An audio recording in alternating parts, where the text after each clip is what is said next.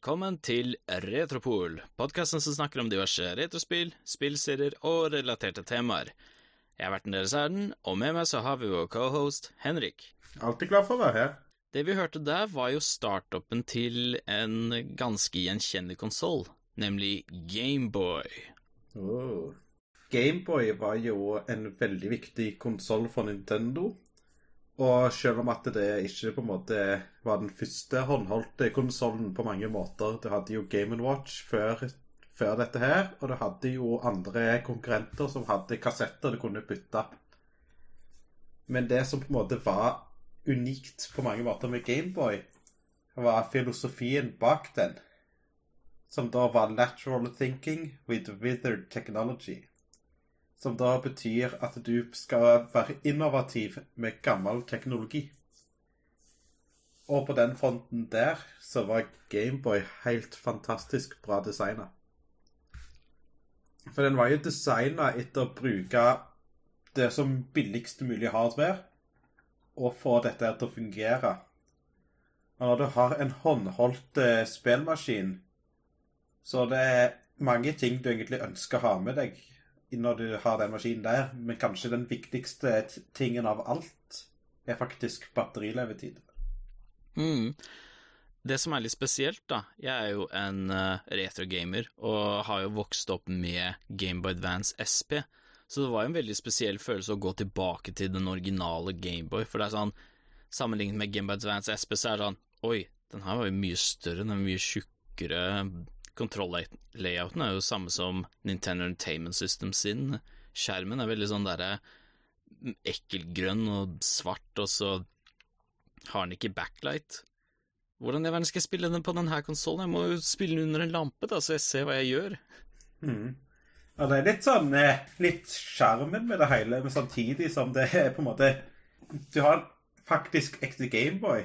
Wow, du har en ekte Gameboy. Sykt kult. Det er jo lenge siden jeg har sett en sånn en. Prøve den. Og så sånn Hvorfor spiller vi på denne her? det er sånn Du snur veldig fra den wow-følelsen til at det blir Å oh, ja. Det var faktisk så dårlig. Jeg trodde ikke at det var så dårlig. Jeg husker at det var bedre før. Mm. Men til gjengjeld hadde den veldig lang batterilevetid. Så du kunne jo spille Gameboy ganske lenge. Men igjen, det er jo en av de konsollene jeg føler det er kanskje litt vanskelig å gå tilbake til når du har alternativer som, som du kan spille originale Gameboy-spill på, men hvor du har backlight og er, du ser ting bedre. Men man skal ikke se bort ifra at uh, den originale Gameboy har jo hatt en stor impact på uh, samfunnet generelt, for du har jo, sånn som Gaming History nevnte i sin uh, video om Gameboy, så hadde jo president Bush også en Gameboy Hvilket er egentlig ganske interessant for uh, markedsføringen, Henrik. Det kan jo nesten si litt at uh, Gameboy har hatt uh, to liv. Og jeg tror vi kommer til å snakke mest om det første livet, med da tanke på at det ble lansert med Tetris og ble et enormt fenomen med dette her. Jeg husker ikke helt hvem som sa det, men det ble sagt at hvis Nintendo ønsker å appellere til barn, så gir de ut Gameboy med Super Mario Land. Hvis de ønsker å appellere til alle, så gir de ut Gameboy med Tetris. Og Tetris var bare et stort kulturelt fenomen på 80-tallet da det kom ut. Og var virkelig det Nintendo trengte for å komme ut med Gameboyen sin. Så var det en periode hvor ting var på en måte stille, men så kom noe som het Pokémon ut. Og det er litt sånn kult å se, for Gameboy hadde jo en på en måte eksploderende trend. Det var jo en game changer mange kule spill. Og den var jo populær for mange år. Sjøl på en måte i 94, 95, 96 og 97. Men eh, jeg, tror, jeg, tok en dag og så søkte på Gameboy-spill i 1997. Så kom ut de på sånn Europa og USA. Og det var ekstremt få som kom ut på den tiden der. Gameboy var på en måte dødt. Det var nesten ferdig. Det var På det tidspunktet der så var jo hardwaren omtrent åtte år gammel. Og folk hadde jo lyst på noe nyere ting. Men ut av ingenting så kommer Pokémon. Og Pokémon var frisk luft for Gameboy. Og det er nesten helt utrolig at eh, Gameboy, som på en måte var døende, bare plutselig ble noe som alle måtte ha, bare pga. Pokémon. Det burde si noe. Ja, men det var faktisk såpass eh, revolusjonerende at de faktisk kunne bare utsette Project Atlantis og heller bare lage en Gameboy Color som et stopgap. Og hva er Project Atlantis? Det som eh, til slutt ble Gameboy Advance. Vi må snakke litt om et par av spillene som kom ut på konsollen. Slik som med tidligere konsollepisoder, så har jo Henrik og jeg da valgt eh, ett spill hver å ta for oss, og så har vi valgt én felles. Og Henrik, du nevnte jo Tetris i stad. Mm. Og Tetris har vi jo snakket om tidligere, men eh, bare for å gjøre det litt kort og konsist, så det er et puzzlespill der du har fallende blokker som da Eller fallende figurer bestående av fire blokker som henger sammen. Som da lander på bånden. Målet er da å bygge opp en horisontal vegg med alle brikkene du får tildelt, sånn at du kan fjerne dem. For når du har en hel horisontalt vegg av brikker, så får fjernes de, og du får poeng for det. Målet er jo da å prøve å få mest mulig poeng. Og jo mer poeng du får, så jo raskere vil spillet til slutt begynne å gå. Så det er et veldig sånn avhengighetsskapende puzzlespill som blir vanskeligere jo raskere jo lenger ut i spillet du kommer. Noe som krever økt reaksjonshastighet og ferdigheter. Noe som gjør at det er veldig lett å lære og veldig vanskelig å mestre. Mm. Spillet er jo gøy så å si å spille alene, men eh, det er alltid kjekt med en spiller til. Men det som var litt spesielt med Gameboy, er jo ja, det fantes jo ikke sånn trådløst nettverk på den tiden, så da måtte man bruke en link-kabel. Og link-kabelen var jo faktisk eh, brukt veldig mye i veldig mange forskjellige spill. Jeg husker det at det, jeg brukte veldig mye link-kabel til Mario Bros multiplayer i, på Gameboy Advance, men det er jo litt seinere. Men eh, det viste jo bare at det var mange funksjoner, som bl.a. trading og kamper i Pokémon. Link-kabelen tillot jo til og med opp til 16 player multiplayer-spill i et spill som heter Faceball 2000. Å, herregud, det var ganske mange Det er ganske mange spillere. Ja. Det er da faktisk et first person shooter. Du, Henrik. Mhm.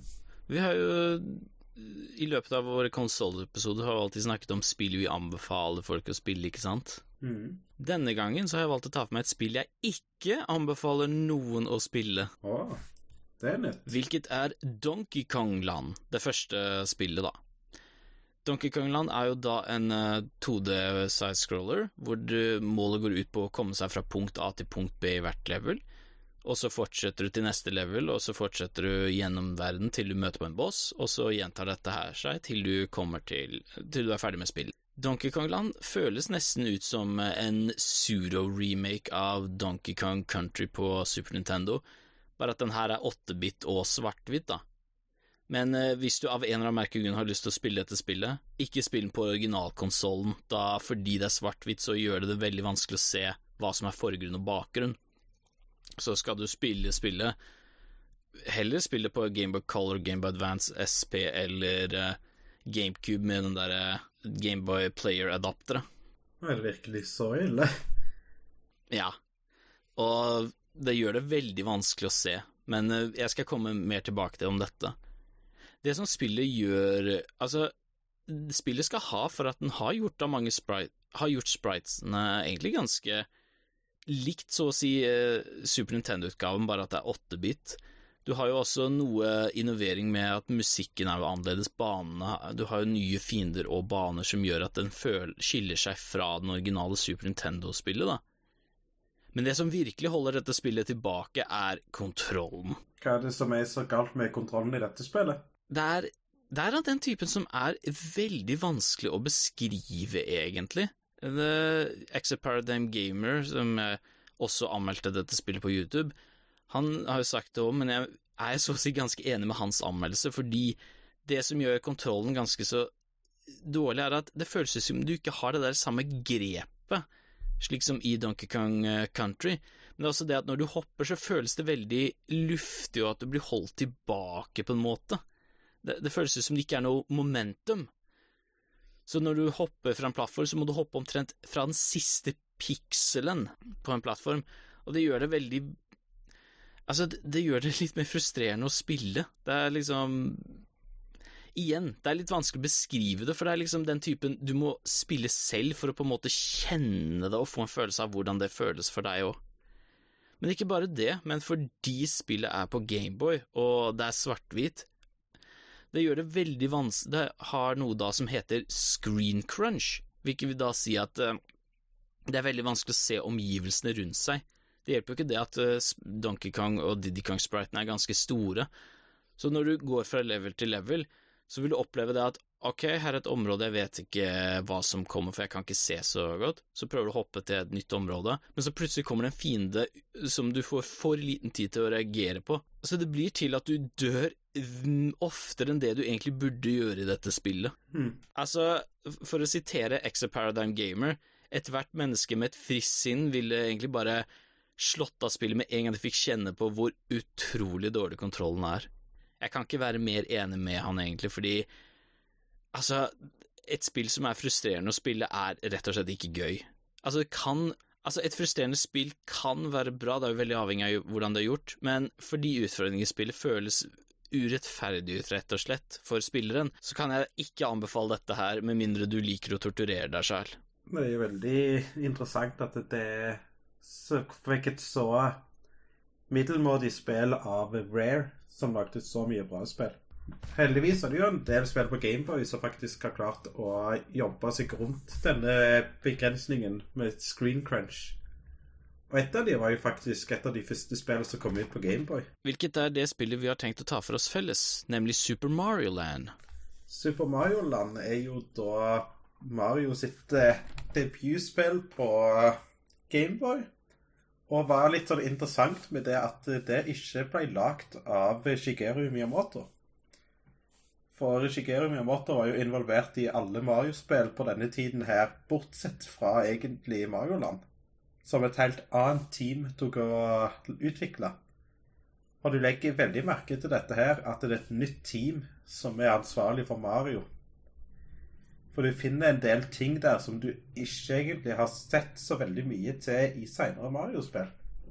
Noe som gjør at dette her føles som ferskt og unikt ut i forhold til mye av det andre tinget du, du forventer å se. Hmm.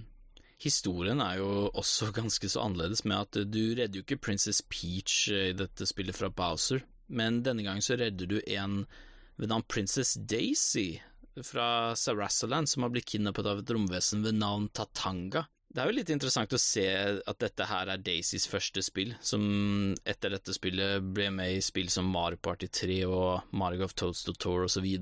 Det som er veldig kult med akkurat eh, Mario Land på mange måter, var jo det at det gikk litt ut av eh, den standard Mario-universet, med at de har eh, tematiske baner som går veldig mye dypere inn i f.eks.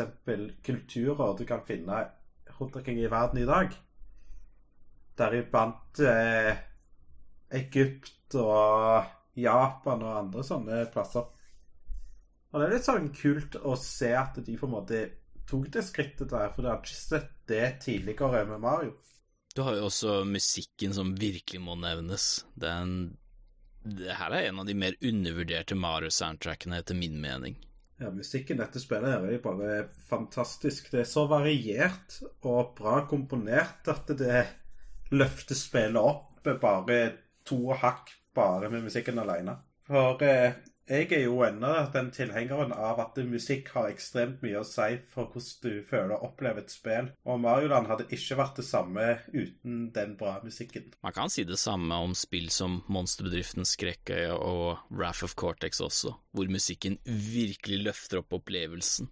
Det som også må nevnes, er jo at uh, du har jo også andre power-ups og fiender i spillet. Du har jo fiender som så å si ikke har dukket opp i senere Mario-spill. For eksempel det er en Copatropa som, når du hopper på han, så får du ikke skallet og kan bare hoppe og skyte det vekk. Nå er det heller mer at hvis du hopper på en Copatropa, så eksploderer det.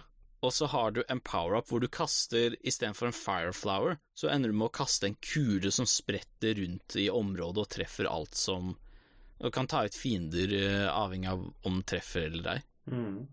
Og til å være et uh, Spillet er jo ganske kort, og den gjør mye bra. Jeg tror det eneste jeg har å bite meg merke i, er at det ikke er noen sånn lagring eller passordfunksjonalitet i spillet.